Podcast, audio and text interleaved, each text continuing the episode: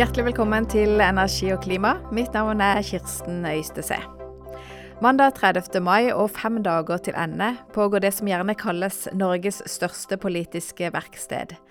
LO-kongressen samler 315 delegater som representerer 25 forbund og til sammen 970 000 medlemmer.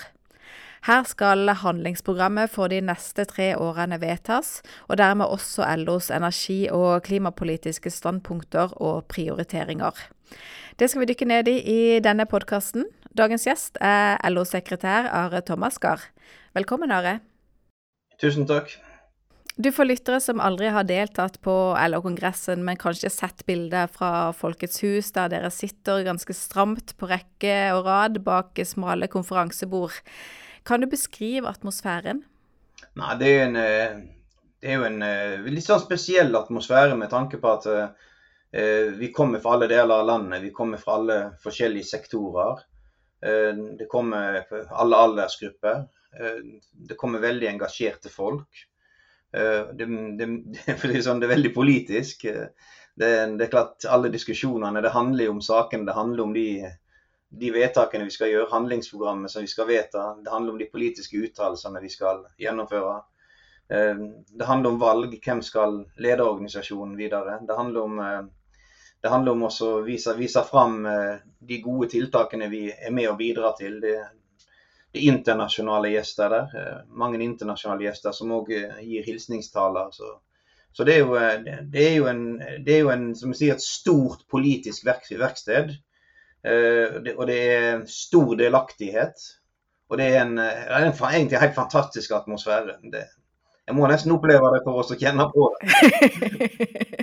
Men det er jo fem eh, lange, intense dager. Hva er det som er høydepunktet på, på, på kongressen? Ja, det er jo bare høydepunkter på kongressen, så jeg tror jeg, tror jeg skal, jeg skal ikke driste meg med å peke ut noe. Men det er klart at, eh, det er klart at når du gjør vedtakene, altså i det, i det hammeren går på de viktigste vedtakene våre, så er det en sånn, det er en sånn veldig sånn viktig eh, erkjennelse der og da at nå er vi i gang på noe som, som er viktig. Ikke bare for, eh, ikke bare for eh, forsamlingen der, men for alle LOs medlemmer, og ikke minst for, for det norske samfunnet. For det er jo slik at Med 25 landsdekkende fagforbund, offentlig sektor, privat sektor, vi, vi, vi kommer jo fra alle deler av arbeidslivet. Så, så, når vi blir enige om noe på LO-kongressen, så er det jo da er det jo rydda opp i veldig mye. Det ligger jo egentlig veldig klart til politikerne. For det er jo mange av interessekonfliktene de er, jo, de er jo da balansert ut og går ut i vedtakene våre. Så Det er jo også derfor at LO er både kraftig fordi at vi er så mange som står bak vedtakene.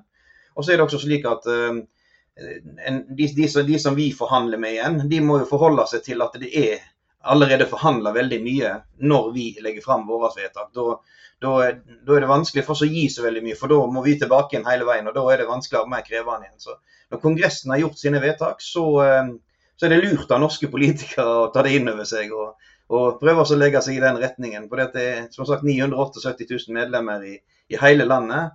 Når de har blitt enige om noe, så, så er ikke det uten grunn, for å si det sånn. Mm. Og når vi har en rød-grønn mindretallsregjering, hvor mye makt ligger da til LO? Nei, det, det, er ikke noe sånn, no, det er ikke noe eksakt vitenskap. Men vi har en veldig god, god dialog med den rød-grønne regjeringen. Vi har kontakt og vi snakker med politikere fra alle de politiske partiene.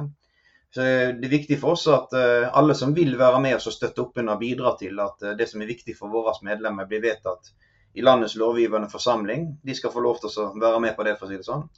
Så, så vi har gode dialoger alle veier. Men uh, vi har et særskilt samarbeid med, med Arbeiderpartiet. Og så har vi, så har vi uh, et godt, veldig godt samarbeid også med de andre partiene på venstresida. Si, LO er jo en del av arbeiderbevegelsen, og vi er en del av venstresida i Norge. Sånn at det er jo ikke så veldig unaturlig. Men du sier det at når 970 000 medlemmer er enige om noe, så er det vanskelig for politikere å gå imot det? Ja, vi vil, vi, vi vil i hvert fall gi lyd. Og vi vil være klare og tydelige på, på uh, og eh, det er klart det går jo på hvilke anbefalinger vi gir videre igjen også. Så det, det, er, ganske, det er, ganske, fornuftig av politikerne å lytte til LO når du, når du, hvis du kjenner til og vet hvor omfattende prosesser vi har bak de, de, beslutningene vi tar og de standpunktene vi tar. Og i og med at det rammer så mange. altså Vi har jo om lag 5000 avdelinger og klubber ute i de forskjellige forbundsområdene. og, Og det er jo eh, bort, bortimot 60 000 tillitsvalgte blant de 978 000 altså som, som da har roller som er ute. Sant? Så dette er jo oppegående folk, godt skolerte folk. Som, eh, som, igjen da har gitt beskjed inn i sitt system hva de mener, og så har forbundet håndtert det videre. Og så finner vi fram til, finner frem til enigheter. Og så er det slik at uh, I stor grad så slutter LOs medlemmer opp under også det som er de kompromissene og de, de forslagene som vi blir enige om på Kongressen. Så det, det, er ganske massivt når vi først Vi så jo det bl.a. i 2015 når det gjaldt eh, midlertidig ansatte, og der LO gikk på tvers av daværende regjering med Erna Solberg i spissen. De ville gjøre det lettere å ansette folk midlertidig. Da gikk jo vi sammen, ikke bare LO, da gikk vi sammen med Unio, YS og, og Akademikerne også. Og så kjørte vi på med med en stor streik. Jeg tror vi hadde 1,5 millioner eh, medlemmer i, i, alle sammenslutningene ute i gatene den gangen der for å demonstrere mot regjeringen. Vi ser jo det i etterkant at uh, selv om regjeringen gjorde et vedtak, så er jo det der, bare veldig ut i kålen. Vi, vi, uh, vi vant gjennom til slutt, og vi, vi, kommer til å vinne gjennom til slutt på, på det spørsmålet. Mm. Du, det er et par eh, hendelser i opptakten til LO-kongressen nå som kan tyde på at det kan bli temperatur når temaene klima, olje, kraftpolitikk, strømkabler kommer opp. Eh, og det ser ut som noen ønsker å sette agendaen. Nylig satte jo aksjonsgruppa Industriaksjonen ned en energikommisjon, og den skal være en alternativ kommisjon til regjeringens energikommisjon, som du sitter i. Og den alternative kommisjonen skal ledes av tidligere LO-leder Gerd Liv Valla. Hva forteller dette grepet fra Industriaksjonen? Nei, det må de nesten fortelle om sjøl, tenker jeg. Men det det forteller oss, eh, det er jo at det er et stort eh, engasjement. Vil si, ta det litt andre veien. Det, er en stor frustrasjon og det er en stor bekymring ute i befolkningen i hele landet når det gjelder energipriser. Energipriser er liksom ikke hvilke som helst varer. Altså Energi det er slik at når energiprisen går opp, strømprisen går opp, eh, energiprisen i Europa går opp, energiprisen i verden går opp, så går også transportkostnadene opp. For du bruker veldig mye energi for å transportere. Da går også materialprisene opp, for du bruker mye energi for å produsere materialer. Eh, da går matvareprisene opp, fordi at du bruker mye energi når du produserer matvarer. Sånn at du kan si du har både den direkte kostnaden, det du får på strømregningen din hjemme, eh, det, det, er en økning i energikostnadene, men men du får også en indirekte økning gjennom at alle andre varer går opp. Og det er jo slik med energiprisene. De treffer alle lommebøker. De treffer alle bunnlinjer i norske virksomheter. Så, så energiprisene er noe som alle må forholde seg til. og Derfor er energi en så viktig debatt. Det er jo litt sånn motsatt vei. Det, det, det, er det, er ikke, noe farlig at folk engasjerer seg. At kompetente mennesker setter seg sammen. At de setter seg ned og så prøver å finne ut eh, eh, hva, hva, har skjedd når vi ser at energiprisene har blitt der de blir nå det er jo ikke bærekraftig, de energiprisene vi møter. Altså, jeg hører en del sier ja, men det, det, det, fører til at vi får fortgang i klima og miljø og mer fornybar energi. Men, men det, da kjenner ikke de, de, medlemmene på den måten vi gjør. med at eh, Når du må betale store deler av den disponible inntekta di eh, i strømregningen din, så har du ikke penger igjen til å legge solcellepanelet på taket. Du har ikke penger igjen til å gjøre de tiltakene der du skal sette inn tre, trelags isolervinduer eller gjennomisolere. For du har mer enn nok med å henge i stroppen og betale regningene fortløpende. Så, så, så, dette skal vi ta på alvor. Det er en ganske djup frustrasjon der ute. Uh, og den, den, den, frustrasjonen er velbegrunna. Og vi må gjøre noe. Vi må finne andre løsninger. Så er jo, er jo dette med årsaksforklaringen. Hvorfor er energiprisene der de er? Det er jo en ganske lang historie, egentlig. Det er jo uh, vi, vi, har jo overvåka markedet. Vi var ganske sånn forvirra på vei ut av pandemien. og Så fikk vi denne eh, omikron-varianten som gjorde at vi fikk enda en runde. og Vi trodde en stund det at de økte energiprisene vi så høsten i 2021, at det handla om at vi var på vei ut av pandemien og at eh, aktiviteten tok seg opp igjen. Det kan være at det var en av årsakene, men det vi ser veldig tydelig i dag, det er at Russland allerede i månedsskiftet august-september begynte å strupe på gasstilførselen til Europa. Særlig over eh, Jamal og, og til Polen. Polen er jo stoppa helt opp nå. Så, så, så gikk jeg ned på gass, eh, gassleveransene. Det som da skjedde, var jo at eh, gass har en veldig viktig del i energiprissettingen i Europa.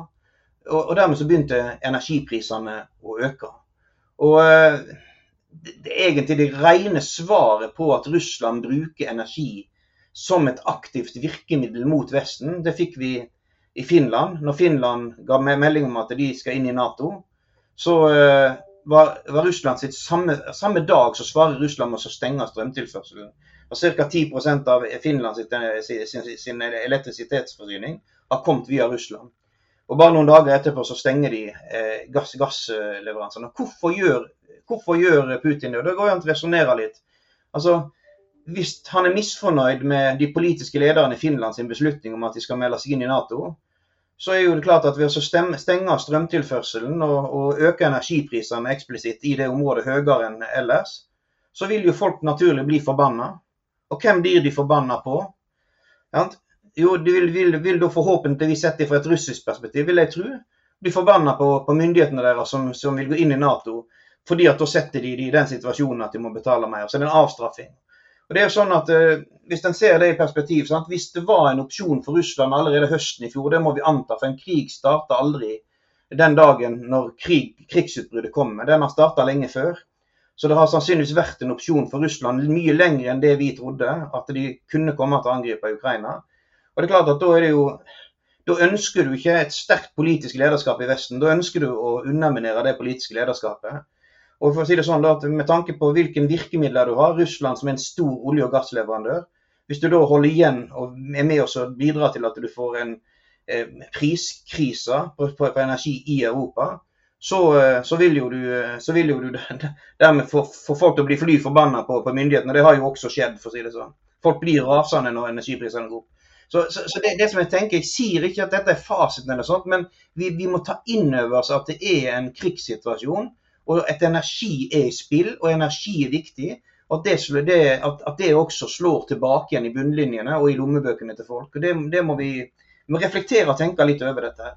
Ja, for nå peker du på Russland og gassens rolle i forhold til den prisen vi har sett på, på strøm i Norge også.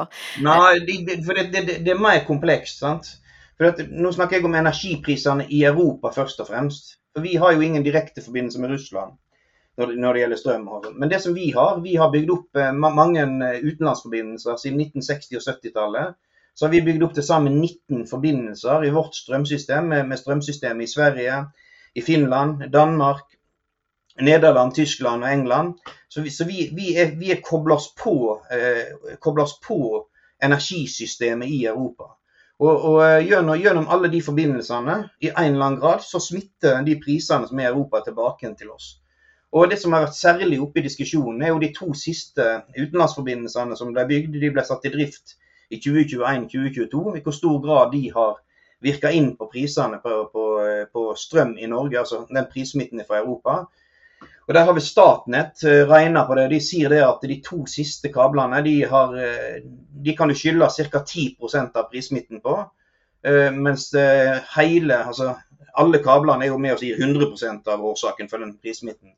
Det blir jo selvfølgelig beregninger og teori, og det, sikkert, det, går sikkert an å dra den opp og dra den ned litt. Men, men jeg, jeg, tror det gir et sånn noenlunde riss.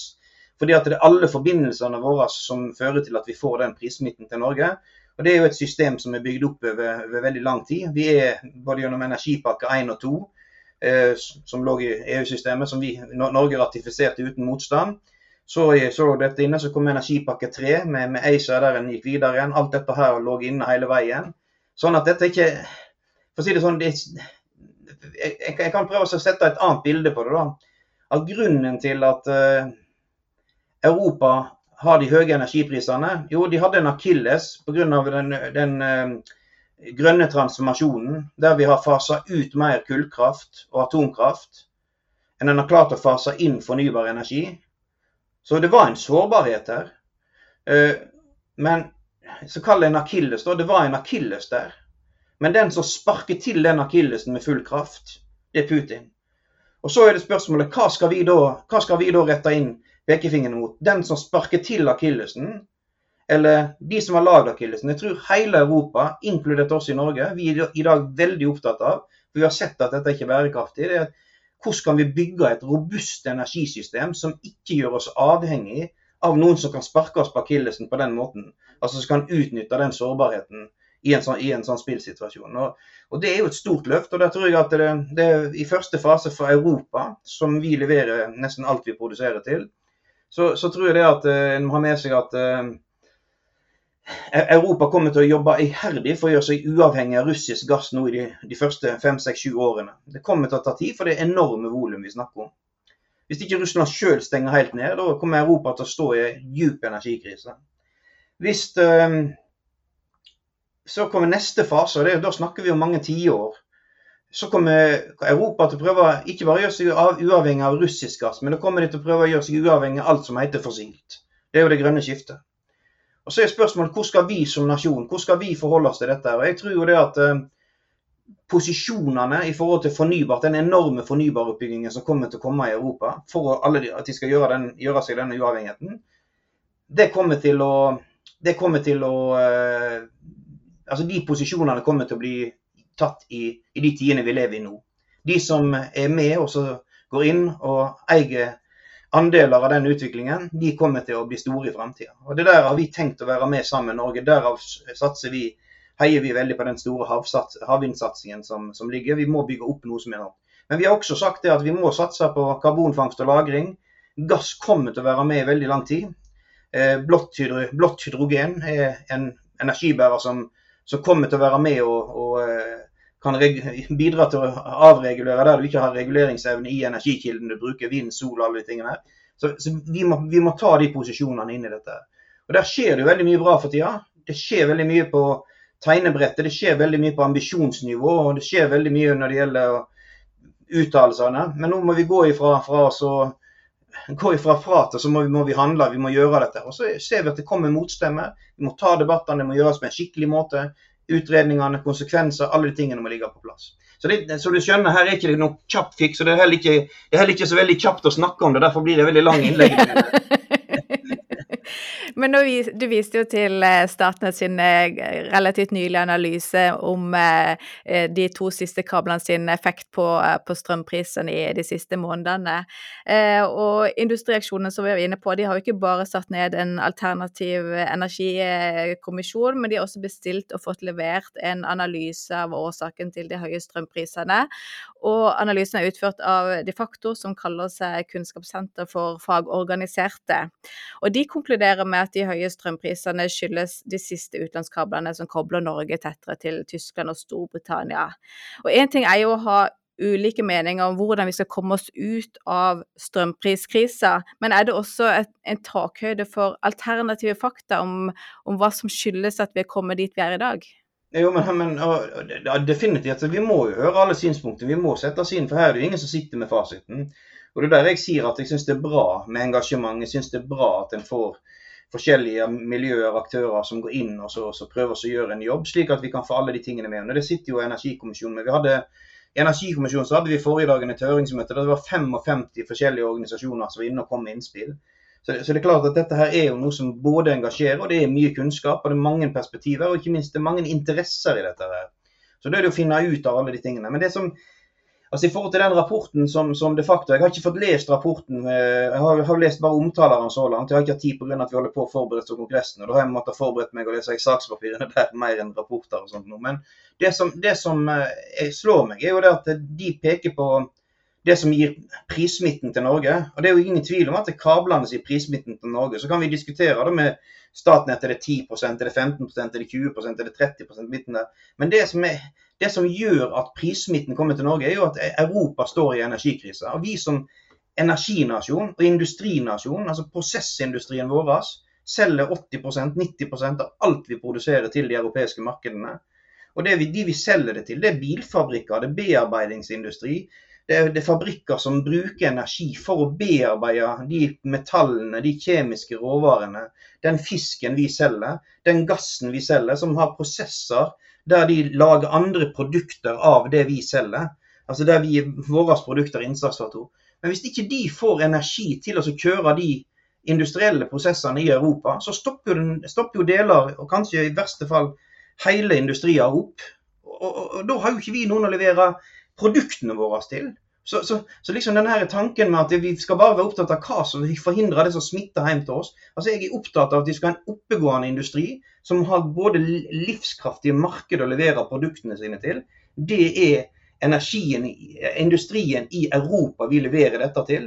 Og så må vi ha nok kraftproduksjon til å kunne gi vår egen industri rimelig kraft, slik at den står seg vi får investeringene her i Norge. At ikke en investerer andre steder. At vi, ikke kan bygge opp de industrielle løypene. Så vi har både eh, rammevilkår for vår egen industri og et marked den kan, kan leve i. Begge de tingene vi gjøre oppe. Så, så liksom, det er som jeg sier det at eh, Er vi mest opptatt av hvem er det som sparker til den akillesen? Eller er vi, eller vi eh, er opptatt av den som har lagd den sårbare akillesen? Og Hvordan skal vi komme oss ut og gjøre dette sammen? Og Skal Norge ha en rolle som energinasjon overfor Europa også den tida når vi ikke lenger eh, er på fossilt, om kanskje i 2060, 2070, 2080, et eller annet tidspunkt? Skal vi fremdeles ha en rolle i Europa når det gjelder energiforsyning? Ja vel, da må vi bygge det opp nå. og Det gjør vi ikke med å det gjør vi ikke med å snevre det inn, da må vi via det ut. Så er det, altså klart Dette er krevende. Det er veldig krevende. Men jeg tror det at, jeg tror det at det finnes ingen lette veier ut av dette her. Vi må gjøre satsinger samtidig, og vi må ta risikoer, selv om vi har lite energi i, i systemet de kommende tiårene for å ta både satsingen offshore og opprettholde en stor aktivitet i prosessindustrien. Så må vi allikevel gå de løpene, fordi at vi skal komme styrka ut av det, ikke komme svekka ut av det. Men Ser du verdien av å ha en alternativ energikommisjon som ser på dette? Ja, Om du kaller det alternativ energikommisjon, eller om du kaller det fagmiljø, eller om du kaller, det diskusjonsgrupper, jeg er opptatt av at vi skal ha gode demokratiske prosesser. At vi får alle de innspillene som kan være med å bidra til at vi, vi bygger et mer robust energisystem. At det er realistisk, at vi vet konsekvensene av de, av de tiltakene vi gjør. Eh, jeg er opptatt av at det, det, det, jo flere som blir med på det, jo flere som er med og engasjerer seg i forhold til det, jo bedre er det. Det forstår jeg, men ser du en fare for økt splid hvis man har ulike miljøer som ser på dette, og som baserer seg på ulike fakta? Altså for å si det sånn at Hvis en starter med konklusjoner, og alt handler om at vi skal forsvare, vi skal grave oss lenger ned, ned i skyttergravene for hver gang en, noen begynner å komme opp og stille spørsmålstegn med konklusjonene, så klart da går det jo den retningen der. Men jeg leser jo ingen av de navnene som var i den kommisjonen som, som du, du, nevner her, som, som eh, eh no, noen som er grøftegravere, for å si det sånn. Altså det, er jo, det er jo folk som er oppegående, som, som har vært med å lande viktig tiltak. De har vært med og, altså de har sittet i maktposisjoner, veldig mange av de i den tida når, når, når, hele det kraftsystemet vi har i dag ble etablert i sin tid. De hadde sittet både i regjering og i organisasjonene og vært med og tatt beslutningene. Så, så, så jeg, regner at, jeg regner med at det kommer både saklige og det kommer realistiske og det kommer gode innspill, som ikke endevender alt uten at en har en konsekvenstanke rundt. Det er liksom de forventningene en har til det. Men det er klart at for å si det sånn, det, Jeg har sagt noen ganger, det er, litt, det er sagt på fleip, da. Eh, det er jo noen ganger det virker som at det er mer energi i den norske energidebatten enn det er i den norske ekteskapsfølelsesliv.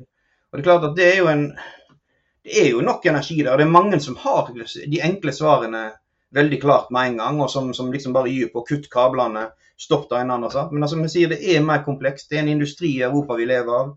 Vi er helt avhengig av Europa i veldig mange andre sammenhenger. Vi kommer til å være stor på gassleveranser til Europa i noen tiår. Det kommer på et eller annet tidspunkt til å ta slutt. Altså det, det, er liksom å få alle disse tingene prosessert. og det er Jo sånn at jo, jo, mer du, jo, mer du, kan om denne sektoren, jo, eh, så tror jeg en går litt mer stille i dørene i inngangen også, fordi at det er komplekst. Jeg har holdt på med dette i 30 år. Jeg har hatt Brennpunkt med meg ned i magasin i 2011 på Vestlandet og jobba i industrienergi. Min stemme den gangen der ble brukt for industrienergi. Jeg jobba helt imot å bygge de kablene som ble bygd. Var advarte mot det. Jeg kunne jo slåss, satt meg ned hos en høye hest og sagt hva var det vi sa. og alt jeg fikk rett, strømprisene økte hele pakka. Men det hjelper jo så forbanna lite. De kablene er bygd. Vi har bygd de samme med Tyskland, vi har bygd de samme med England, vi har bygd sammen med Nederland, vi har bygd sammen med Danmark. De har tatt halve kostnadene i kablene. Vi har inngått avtaler med dem. Vi må forholde oss til det vi faktisk har gjort og realitetene. Vi kan liksom ikke bare løpe ifra, for da, vi, da blir jo vi ikke troverdige som industrinasjon. Der det er mulig å reforhandle, så skal vi selvfølgelig reforhandle. Vi skal se på det. Vi må se på hvordan prisområdene er inndelt. Vi må se på hvordan sluttmarkedet vårt er organisert. Det er jo altfor mye cowboyvirksomhet. Nesten, det var nesten så jeg brukte ordet røvervirksomhet, men det er jo, det er jo eh, totalt useriøst, sånn som en del av disse strømprisselskapene eh, strømstatsselskapene driver og henvender seg til, til, til, folk. Eh, det er rett og, rett og slett bare noe vi må rydde opp i. Vi kan ikke holde på på den måten der. Det må struktureres, det må jobbes på. Men det er ingen quick fix. Dette her er det er krevende. Energi er krevende. Energi er også det helt avgjørende for hvordan vi skal komme oss ut av det på alle mulige måter. For industrien vår står på det, samfunnet står på det. Og det vi holder på med nå, med de energiprisene vi har både i Europa, de strømprisene vi har i Norge, det er ikke bærekraftig. Selv om Norge tjener i bøtter og spann på høye gasspriser for tida. Men det er ikke bærekraftig. Det, det går ikke rundt i lengden. Du er jo en tilhenger av kompromisser og å finne løsninger i, i dialog. Men den tilspissa debatten som vi har sett gjennom eh, denne perioden hvor vi har hatt eh, høye strømpriser, og det har gjerne vært både kabler og ACER og europeisk energisamarbeid som er kommet opp. Klarer du å samle fløyene i LO og enes om en felles klima- og energipolitikk, eller blir det stadig vanskeligere? Nå er, ikke, nå er, det jo ikke jeg som skal samle fløyene i LO, det er det Kongressen sjøl som skal gjøre. Og det er Kongressen som er min overordna, ikke motsatt. Så når Kongressen vedtar noe, så er det riktig i, mitt, i min verden. Der er jeg veldig enkel. Og så er det slik at Vi, vi vil jo selvfølgelig prøve å mate inn med informasjon og kunnskap til Kongressen, slik at de, de fatter kloke vedtak. Det gjør, det gjør Kongressen alltid. Så, så jeg tenker vi må ha den rekkefølgen på tingene. Du, vi må snakke litt om rammen for eh, klima- og energipolitikken. Det er jo alvoret i klimakrisen og behovet for raske utslippskutt og større fart i omstillinga. Eh, Norge har en klimalov. Vi har meldt inn til FN at vi som vår forpliktelse under Parisavtalen skal redusere våre utslipp med 50-55% innen 2030, i samarbeid med EU. Og så har vi en regjering i dag som også har lansert et omstillingsmål, eh, som sier at vi skal kutte 55% i Norge. Altså alle kuttene skal tas i Norge. Eh, for norsk industri og norsk næringsliv så er det jo veldig stor forskjell på om kuttene skal tas sammen med EU, eller om hele utslippskuttet skal tas hjemme. Hvordan stiller LO seg til regjeringens omstillingsmål? Vi holder på å sette oss inn i, i forhold til omstillingsmålet. og Vi støtter jo opp under det, men vi, vi, vi mener jo at vi, vi, må ha et tett samarbeid. Det, det, er liksom ikke det, det stopper ikke ved grensa, på å si det sånn. Altså det, det, her er jo hele kjeden. Ta sirkulærøkonomi. Det handler vi må se vi må se, Det er et marked som vi er en del av. Vi leverer produktene våre der vi samhandler hele veien. Så, så det er jo Verdikjedene går også over grensene. Så vi må finne gode løsninger som, som gjør at vi får til klimamålene i hele verdikjeden, og ikke at, det, ikke at tiltakene stopper ved grensen. Så får vi se hvor vi, hvor vi ender, ut, uh, ender, ut, den veien etter hvert. Men det er en diskusjon som ikke, ikke er slutt, sluttført. Da støtte opp under, hva betyr det? Nei, Vi støtter, støtter opp under retningen. altså at Vi, vi, vi må inn og vi må jobbe. Vi må, må, må, vi må, håndtere dette på en, på en måte hvor vi, um, hvor vi går riktig retning hele tida. Altså, altså, hele debatten er jo sånn Det er prosenter, og det er mål, og det er ambisjoner. Og det er, det er taler ved enhver middag og med, med, med hver uh, seminaråpning. Og det, det, er tusenvis av plansjer, og det er, det er, konferanseri ut av en annen verden. Og Vi har holdt på med dette i 20 år. altså Det er jeg opptatt av, at nå må det begynne å skje noe. Altså Det må, det må begynne å handles. og så kan vi, vi, kan, vi kan diskutere teorier, vi kan diskutere inndeling av grenser. Det vil bli helt sånn, men vi, vi, må, vi må begynne å handle. Jeg tror det at Vi må finne løsningene gjennom handling. Vi som kommer fra industrien vet at ofte når vi setter i gang prosjektene, sette i gang og handle, så må vi korrigere teoriene, korrigere tegningene, justere tingene etter hvert. Så hvis vi, skal, hvis vi tror vi ha, at vi skal ha alt helt ferdigtegna, og alt skal være helt klart, og det ikke skal være noen endringer underveis, når vi går, da kommer vi aldri til å komme i gang. Og når vi kommer i gang, så kommer vi bare til å snuble, for vi har detaljert altfor mye for oss sjøl. Så, så, det er sånn overordna inngang. Så jeg blir sånn frustrert på introen din med, med, med prosenter og mål. og det biten her. For dette er utrolig mye fine dokumenter. Det er altfor lite handling. Mm. Men det som er utfordringa med disse prosentene, som jeg forstår at det er frustrerende, det er jo at det er jo eh, så enorm forskjell da, i hva det vil bety for industrien ved, ved et uh, omstillingstempo som en 55% kutt i Norge vil, vil måtte bety. Ja, det, altså, hvis, hvis, ikke vi samarbeider, hvis ikke du ser verdikjedene, så, så kan det jo godt hende at vi får veldig lave CO2-utslipp for industrien, for de blir nedlagt. Er det en målsetting? Så ja, nei, vi, vi, vi, vi, må forhandle det, for vi må se på det. Men jeg tenker la oss nå sette i gang prosessene, i hvert fall. sant?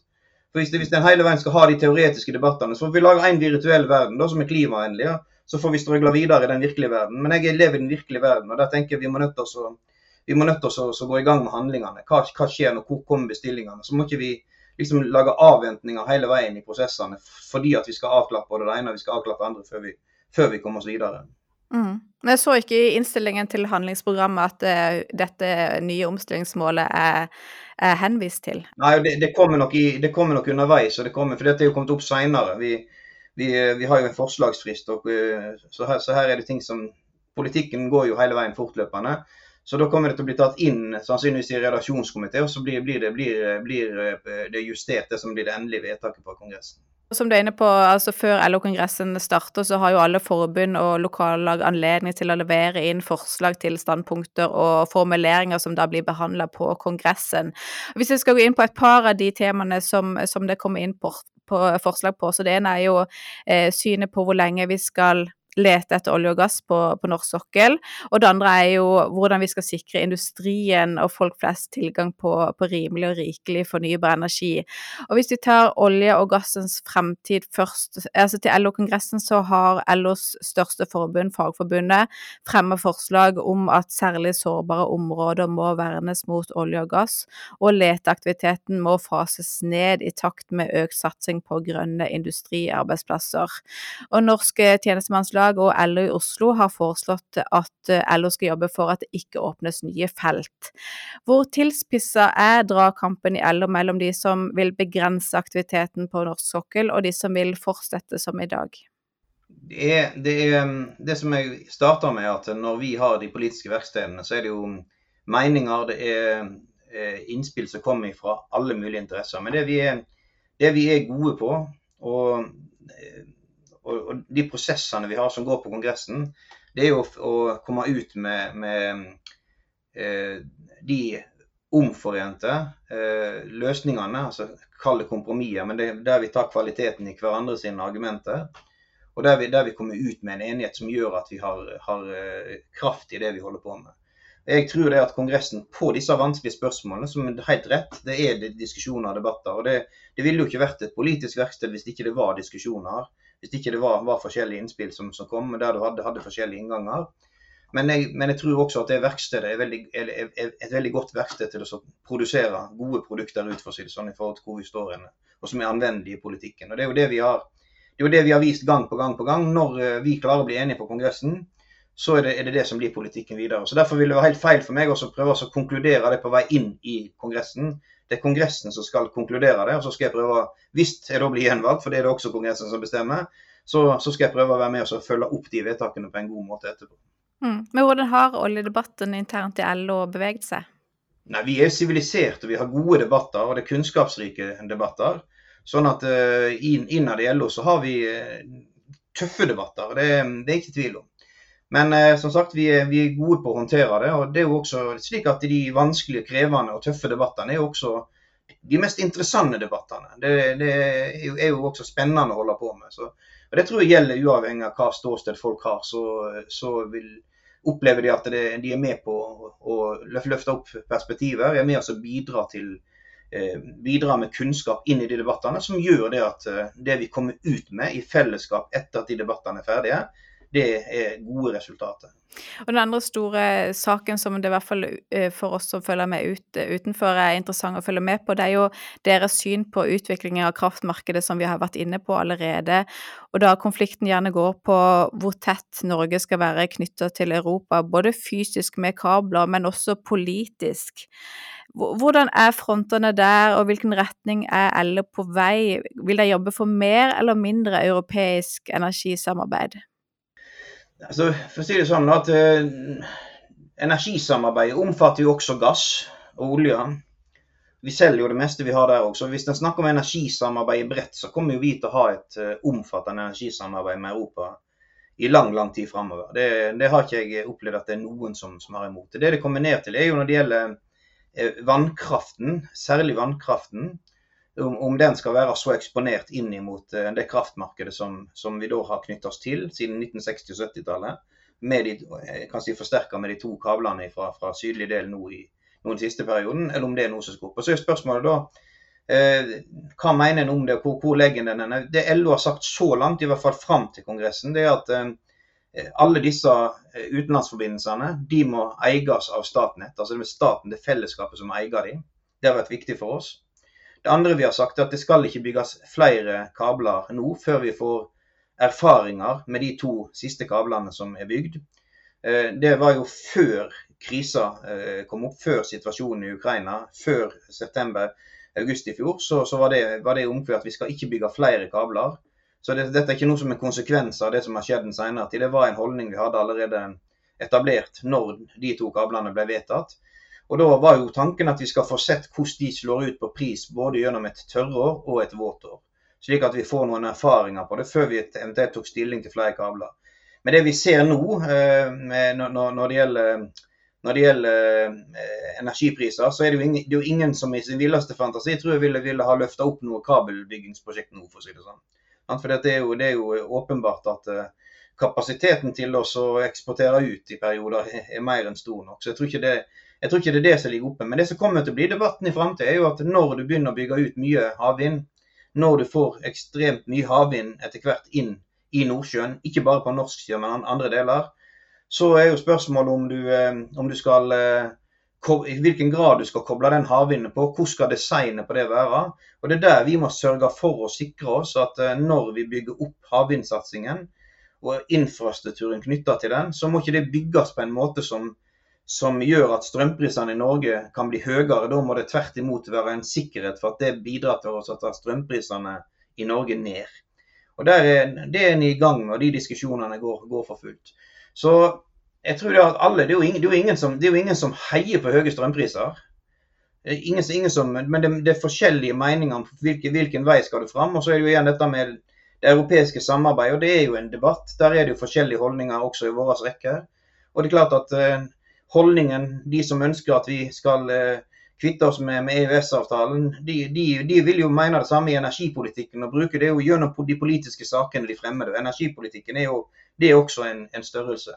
Men der har jo, eh, der har jo også LO-kongressen eh, gjort sine vedtak opp gjennom, og det blir spennende å følge den debatten også når vi kommer nå på kongressen. Og også da tilkoblingen til, til ACER og, og, spørsmålet om hvorvidt vi skal kunne kontrollere mer eh, kapasiteten på de kablene som vi allerede har. Ja, sa jo LO for så vidt i si, når den var oppe, så sa jo LO nei til, til ACER på det tidspunktet, ut ifra at vi var bekymra i forhold til dynamikken og utviklingen i, i, kraftsystemet. Nettopp av de tingene som Altså den sårbarheten som blir, forsvinner litt i, i eh, energiprisvirkningene fra krigen. Men det var en sårbarhet i det europeiske energisystemet fra før av. Så jeg tror at uavhengig av om vi hadde fått de ekstreme prisene som, som eh, denne manipuleringen med gassprisene fra Russlands side har, har, medført, så hadde vi fremdeles hatt høyere energipriser i Europa pga. Eh, den grønne transformasjonen og at det tar tid å bygge opp ny fornybar. Og det ville slått tilbake. Vi ville definitivt hatt en prisdiskusjon i Norge uansett, tror jeg. Men ikke på det nivåene som vi har sett nå. Det har vært slått helt ut. Så, så må, vi, må, vi, håndtere det. Men en må tenke å gjøre noen konsekvenser. Altså det, det, hva er konsekvensen av hvis du skulle begynne å si opp avtaler? Hvordan vil et Europa, og enda mer et Europa i energikrisa, hvordan vil de reagere på det? Hvordan vil, vil vi risikere å få noe andre, andre, andre tiltak imot oss igjen, motsatt vei? Eh, jeg regner med at europeisk industri vil også beskytte seg, for å si det sånn. Så da må en tenke på det. Men der skal det jo, fikk meg at Regjeringen skal jo nedsette et eget, eh, en egen EØS-utredning nå, som Line Eldring skal lede. Så, så, jeg tror jo det at en god del av de spørsmålene i forhold til tilknytningsform og sånt, det får en jo sortere der, der. Men eh, fram til nå så har jo LO stått last og brast med EØS-avtalen. Og det, det ligger jo også i innstillingene fra sekretariatet til Kongressen her.